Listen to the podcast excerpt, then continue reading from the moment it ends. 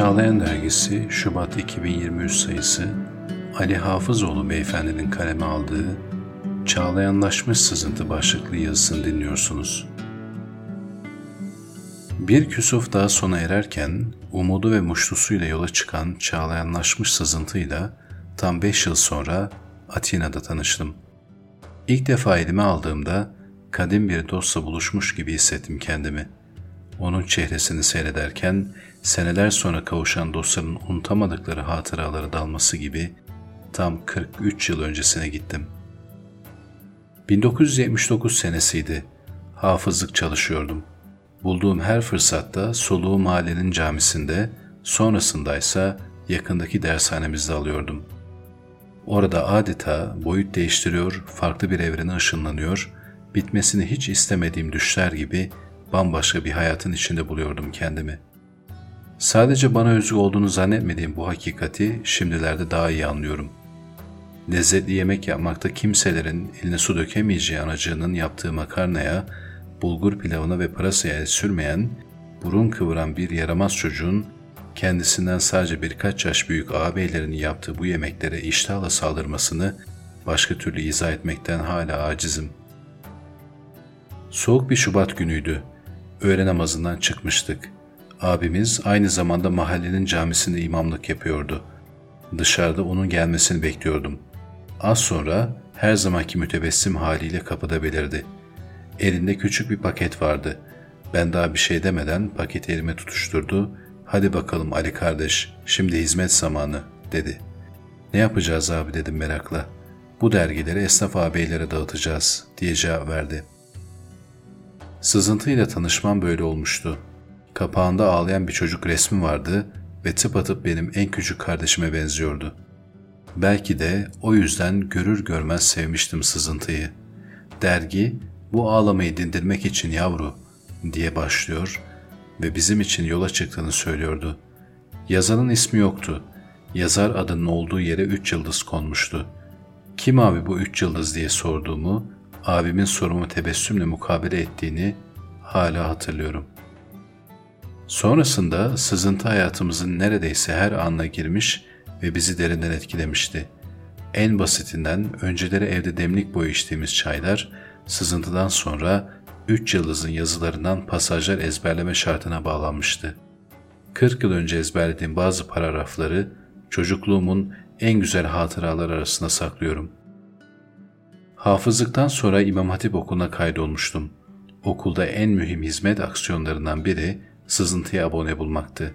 Şubat ayı abone mevsimi demekti bizim için.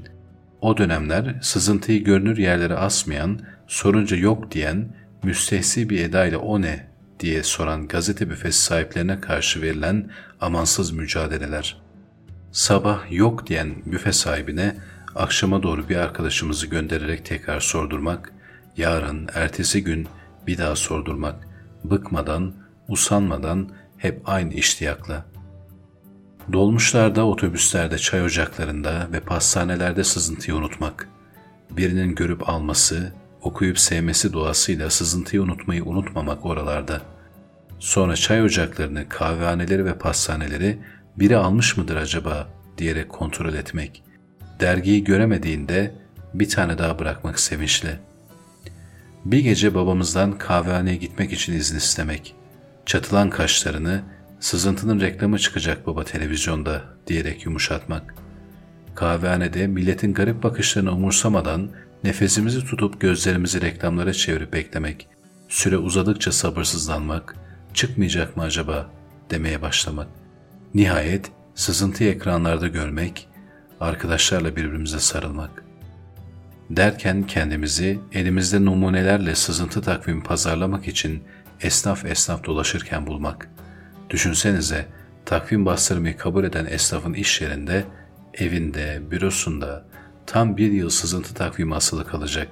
Dağısı müşterilerine dağıtacak, onlar da evlerine ve iş yerlerine asacaklar. O zamanlar bundan daha güzel reklam olur mu? Her şey bir yana, yaşlı başlı esnafların henüz bıyığı bile terlememiş bir delikanlıya itimat etmesinin keyfini sürmek. Okulda çıkardığımız duvar gazetesini sızıntıyla süslemek, bütün okulu sızıntıdan haberdar etmek, onu özendirmek, yazısı inci gibi olan bir arkadaşın maharetiyle üç yıldızın ölçülerini duvar gazetesinin ortasına kalp yazısı gibi yazmak. Sızıntıda yer alan fotoğraflarla panoyu bezemek, sonra teneffüslerde duvar gazetesinin çevresine kümelenen, merdivene doğru kuyruk olan arkadaşları seyretmek. Hala tarifini bulamadığım bir hazla. Küçük ilçemizi Ankara ve İstanbul'a bağlayan yolların en görünür yerlerine sızıntı tabelalarını asmak, geliş ve gidiş istikametinden rahatlıkla görünüyor ve okunuyor mu diye defalarca kontrol etmek. Aydınlık Yolun dergisi sızıntı yazısını, sonrasında memlekete gelir giderken bir refleksle yerinde duruyor mu diye dikkat kesilmek yola seneler boyunca. Her gördüğümüzde anmak o günleri, tebessüm etmek ve el sallamak eski bir tanıdığa rastlamışçasına. Çocuklarımıza anlatmak bu hikayeyi tuhaf bulacaklarını bile bile. Türkçe hocamızın kompozisyon kağıtlarımızı her defasında kırmızı kalemle baştan aşağıya boyaması, hayat yerine yaşam, cevap yerine yanıt, ihtimal yerine olasılık kullanılmasını ısrar etmesi, bu dayatmaya karşı baş yazılardan devşirdiğiniz kelimelerle direnmek, üç yıldızın kuyumcu titizliğiyle kullandığı kelimelerle idrak etmek Türkçenin güzelliğini, Türkçenin ruhunun, sesinin ve musikisinin kününe ermek, oradan alınan güç ve ilhamla zerre kadar sarsılmamak. Bir gün sızıntı sayfalar arasında bir yazınızı görmek, sevinçten ne yapacağınızı şaşırmak, Allah diye bir çığlık atmak arkadaşlarınızın şaşkın bakışları arasında. Nereye gittiğinizi fark etmeden koşmak, kafanızı bir elektrik direğine çarmak, sevincinizin acınızı bastırması, akşama kadar ne yaptığınızı bilememek, üç yıldızla aynı dergide yer almanın anlatılamayacak saadeti. Bulunduğunuz ilde sızıntının yayın heyetine kabul edilmek, sızıntı muhtevası için gayret etmek, gelen yazıları gece yarılarına kadar mütalaa etmek, kanasıya faydalanmak, fazilet timsallerini tanımak, onlarla aynı havayı teneffüs etmek, iple çekmek bir sonraki heyet toplantısını.